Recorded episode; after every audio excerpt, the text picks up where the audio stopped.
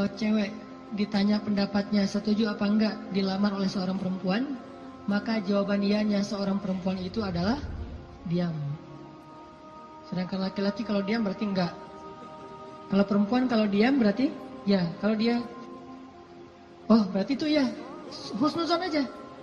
Jadi kalau nanya, "Neng gimana mau sama saya?" Dia belum sempat mikir, "Oh, berarti mau ya." Eh, kan diam tadi teh. Jadi diam seorang perempuan kata Nabi adalah ridho. Diamnya adalah ri, ridho. Karena kalau dia tidak ridho, dia mungkin akan uh, merespon dengan bahasa-bahasa yang yang baik. Sing, atau bahasanya bukan diam, pasrah. Saya ikut aja gimana emak sama abah gitu. Ini berarti ridho. Bukan berarti dia, kamu kok gitu sih sama aku, sama aku kamu nggak sayang, nggak cinta dan segala macam gitu. gitu. Dia mah nggak akan ngomong kayak gitu. Dia diam atau dia bilang ya udah ikut aja berarti dia ri, ridho. Itu sifat perempuan yang sebenarnya. Pada dirinya itu ada malu. Dan malu by the way teman-teman, pada diri perempuan adalah mahkota. Makin besar rasa malunya, makin tinggi nilainya. Makin besar rasa malunya, makin besar mahkota yang dia pakai. Jadilah dia seorang putri. Makin besar, jadilah dia seorang ratu. Mahkotanya perempuan yang solihah adalah istihya, punya sifat malu-malu, nggak pakai in. Malu-malu aja, malu-malu, ke mana-mana malu, ah malu-malu. Itu mahkotanya perempuan, walaupun bukan berarti ketika yang ada perempuan nggak malu dia berani gitu, nggak punya mahkota, bukan. Ini hanya salah satunya. Dan tetap itu kebaikan. Kalau dia nggak terlalu besar dominan dengan sifat malu, mungkin dia dominan dengan sifat yang lain. Tapi yang jelas sifat malu ini kebaikan. Kata Nabi, kalau tidak punya malu, maka seseorang akan lakukan apa yang dia suka. Berarti malu itu sebagian dari kehormatan. Malu itu sebagian dari harga diri. Sehingga kalau orang udah nggak punya sifat malu, maka dia kehilangan harga diri dan kehormatan, dia akan lakukan apa pun yang dia suka. Jadi malu anugerah dari Allah untuk perempuan. Aisyah pemalu. Saking pemalunya Aisyah, kalau lagi malu wajahnya kemerah-merahan, pink. Pink dalam bahasa Arab humayro. Pink itu humay, humayro. Aisyah itu kalau lagi malu pink wajahnya.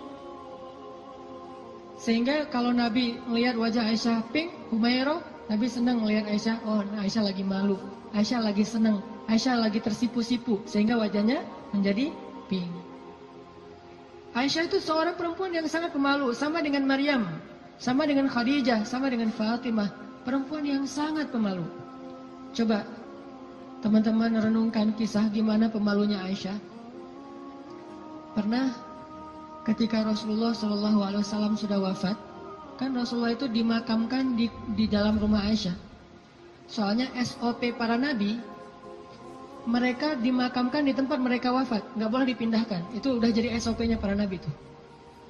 Jadi kalau meninggalnya di sini, ya udah di sini dimakamin, nggak boleh ke pemakaman khusus tempat lain atau pemakaman umum nggak boleh. Jadi karena Rasulullah wafatnya di atas pangkuan Aisyah di kamarnya, maka kamar itu jadi tempat Rasulullah dimakamkan, makam di situ, dibuat kayak ruangan. Setiap hari Aisyah duduk di situ, dia buka uh, hijabnya, dia duduk di makam Nabi sambil uh, mungkin dia di situ ngobrol, mungkin dia berzikir, bukan sengaja zikir di dalam makam ya, tetapi dia kangen sama Nabi, duduk di sebelah Nabi, seolah-olah dia pengen mengenang waktu dulu sering zikir berdua sama Nabi. Sambil Nabi tidur di atas pangkuan Aisyah zikir, bayangin. Kalau kita zikir jomblo itu duduk,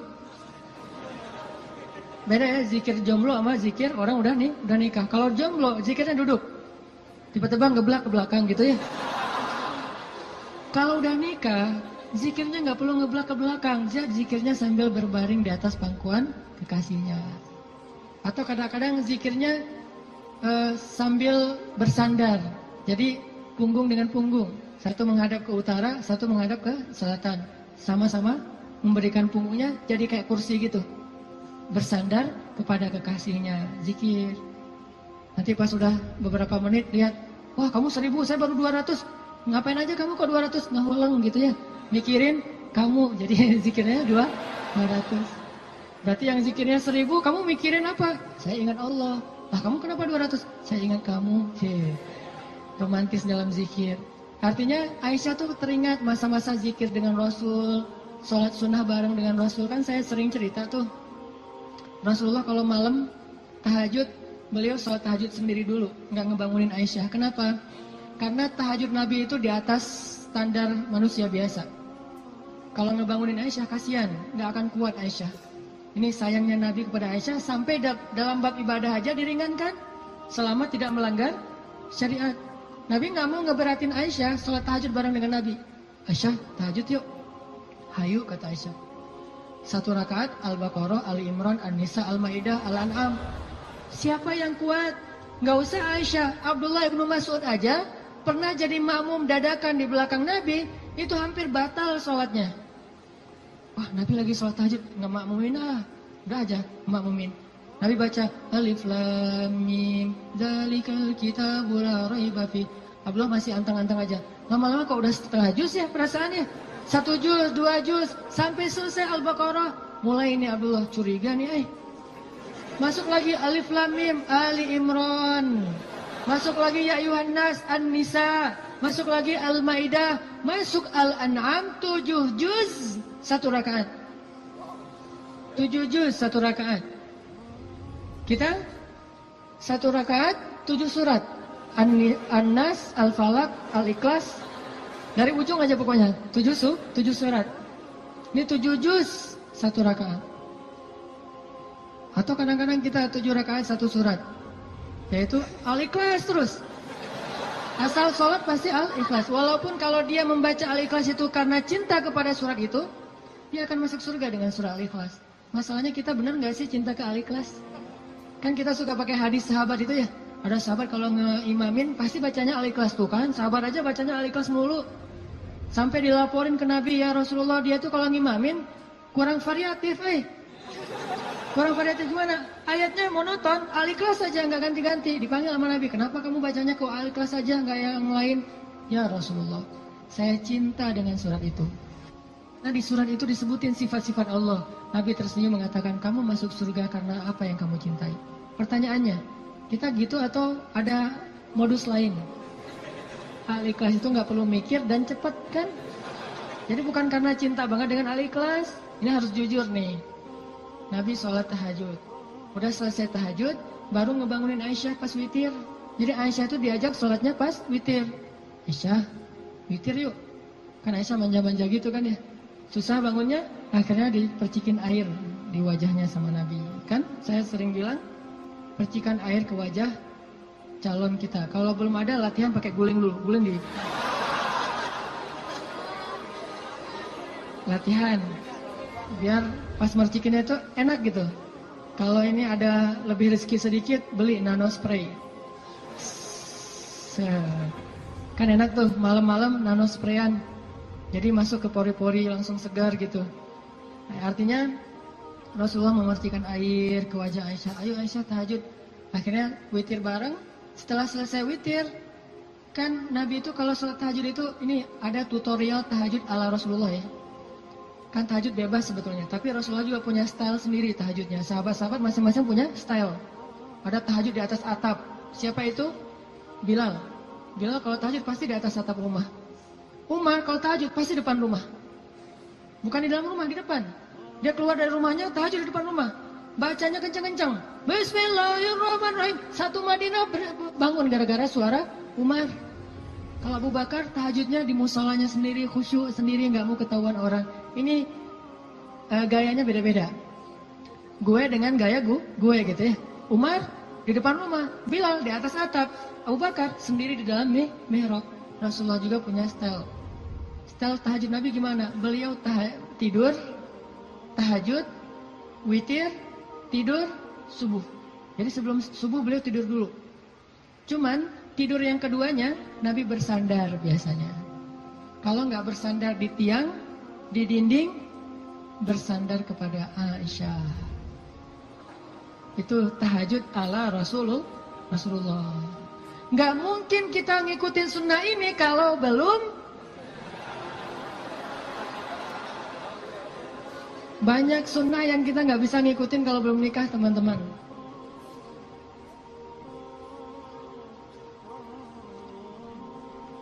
Ya, waktu jam 11.25. Sebentar lagi ya, 5 menit aja lagi. Ini kisah Musa. Lanjut ya, dipotong ya. Jadi Nabi SAW itu dengan uh, Aisyah kalau tahajud membangunkan Aisyah dan tidak memperolehkan Aisyah. Artinya Nabi SAW mengajarkan kepada kita bagaimana beliau memperlakukan istrinya, bagaimana rumah tangga beliau, yang itu kemudian menjadi kebaikan kepada Allah. Jadi mendapatkan istri untuk lebih dekat kepada Allah, biar bisa tahajud bareng. Coba bayangin teman-teman, kita pengen nikah, kenapa kamu pengen cepat-cepat nikah? Karena pengen buka puasa berdua. Bentar lagi Ramadan nih, masa puasa sahur masih sendiri kan? Kenapa kamu pengen nikah? Pengen tahajud berdua. Kenapa kamu pengen nikah? Pengen uh, apa ngaji berdua store hafalan. Suaminya hafal surat al-ikhlas store gitu ke istrinya. Kan baru hijrah al-ikhlas dulu kan? Eh, al-fatihah al-ikhlas.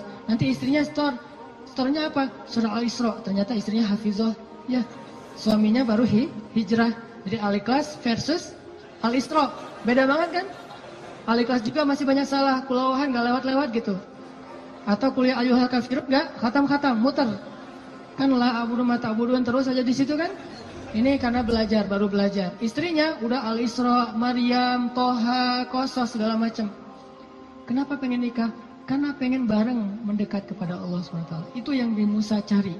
Akhirnya perempuan itu datang menemui uh, Musa sebagaimana Aisyah uh, apa sangat pemalu. Tadi nggak nggak tuntas ceritanya. Next time Insya Allah.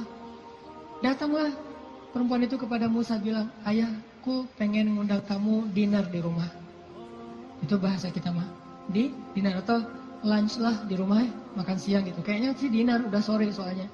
Makan malam di rumah. Oh iya, jalan nih. Tahu gimana cara jalannya? Musa di depan, cewek itu di belakang. Nggak dibalik, cewek di depan, Musa di belakang. Nggak. Etika jalan laki-laki perempuan yang belum muhrim, perempuan di belakang, laki-laki di di depan. Supaya apa? Supaya tidak melihat bagaimana cara jalannya. Terus kan Musa nggak tahu rumahnya ke mana, gampang. Tinggal di Sherlock aja.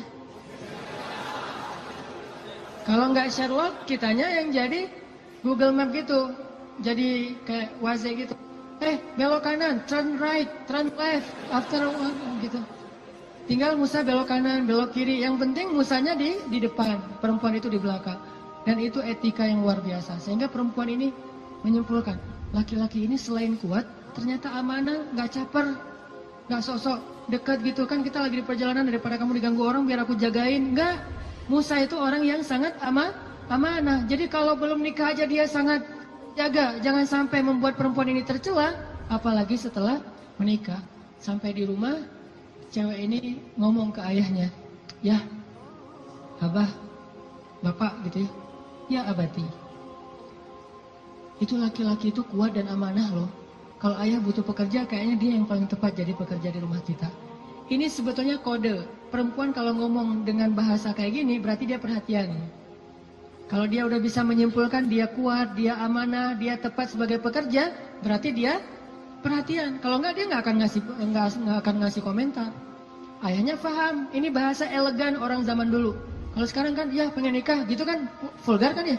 Kalau dulu kode tuh, ya itu kayaknya cocok bekerja di, ke kita. Kata ayahnya, oh ya nanti saya ayah bicara sama dia. Ayahnya bukan menawarkan Musa bekerja, tapi menawarkan Musa nih nikah. Saya akan nikahkan kamu dengan salah satu dari putri saya. Terserah kamu yang mana yang kamu sukai. Maharnya bekerja kepada saya selama 8 tahun. Akhirnya Musa pun menikah dengan salah satu dari dua perempuan itu dan perempuan inilah yang mendampingi Musa untuk berdakwah di Mesir melawan Fir'aun. Dan inilah kisah yang luar biasa. Nabi Musa mencari cinta itu untuk lebih dekat kepada pemilik cinta. Nabi Musa mencari cinta makhluk agar bisa mendapatkan cinta Allah Subhanahu wa taala. Bukan justru ketika ngedapetin cinta makhluk kehilangan cinta Allah. Ini namanya fokus. Teman-teman, pesan moral ketiga berarti adalah apa? Setelah sawa as-sabil, banyak berdoa. Yang ketiga adalah jadilah seseorang yang menyempurnakan hubungan kita dengan Allah dengan cara menikah. Itu maksud Nabi. Setengah dari agama itu adalah setelah kita menikah. Kita sempurnakan. Gimana sempurna? Tadi itu. Tilawah sendiri jadi tilawah berdua. Buka puasa sendiri jadi buka puasa berdua. Tahajud sendiri jadi tahajud berdu, berdua. Bahkan ada ibadah yang kita bisa dapetin setelah menikah yang nggak mungkin didapetin kalau orang belum menikah. Ibadahnya simple. Ngapain? Goler, tidur di atas sofa sambil ngelihat istri kita rempong lalu lalang itu pahala. Jadi gini aja. Itu sholat sunnah loh. Kalau yang belum nikah hanya bisa mendapatkan pahala itu dengan cara berwudu, sholat sunnah dua rakaat. Yang udah nikah nggak perlu berwudu, nggak perlu sholat sunnah pun tetap dapat pahala sholat sunnah. Dengan cara apa? Pandangan suami kepada istrinya yang penuh kasih sayang, bagi dia adalah pahala ibadah. Jadi cuma ngelihat doang ibadah, tersenyum ibadah, kecup di keningnya. Bayangin, Nabi itu habis berwudu mengecup Aisyah. Bisakah kita melakukan itu kalau belum menikah? Ngecup apa?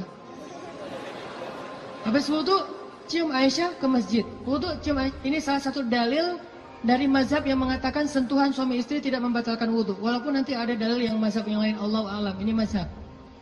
Tapi Nabi beberapa kali habis berwudhu, kecup Aisyah ke masjid. Wudhu, kecup Aisyah. Jadi kalau udah Nabi wudhu, Aisyah udah siap-siap tuh. Para istri, kalau suaminya lagi berwudhu, maka siap-siaplah kalian. Karena sebentar lagi dia akan ke masjid dan lupa mengecup gitu. Biasanya kalau habis wudhu Nabi itu ngecup istrinya, dikecup di keningnya atau di pipinya ke masjid, kecup kening pipi ke masjid.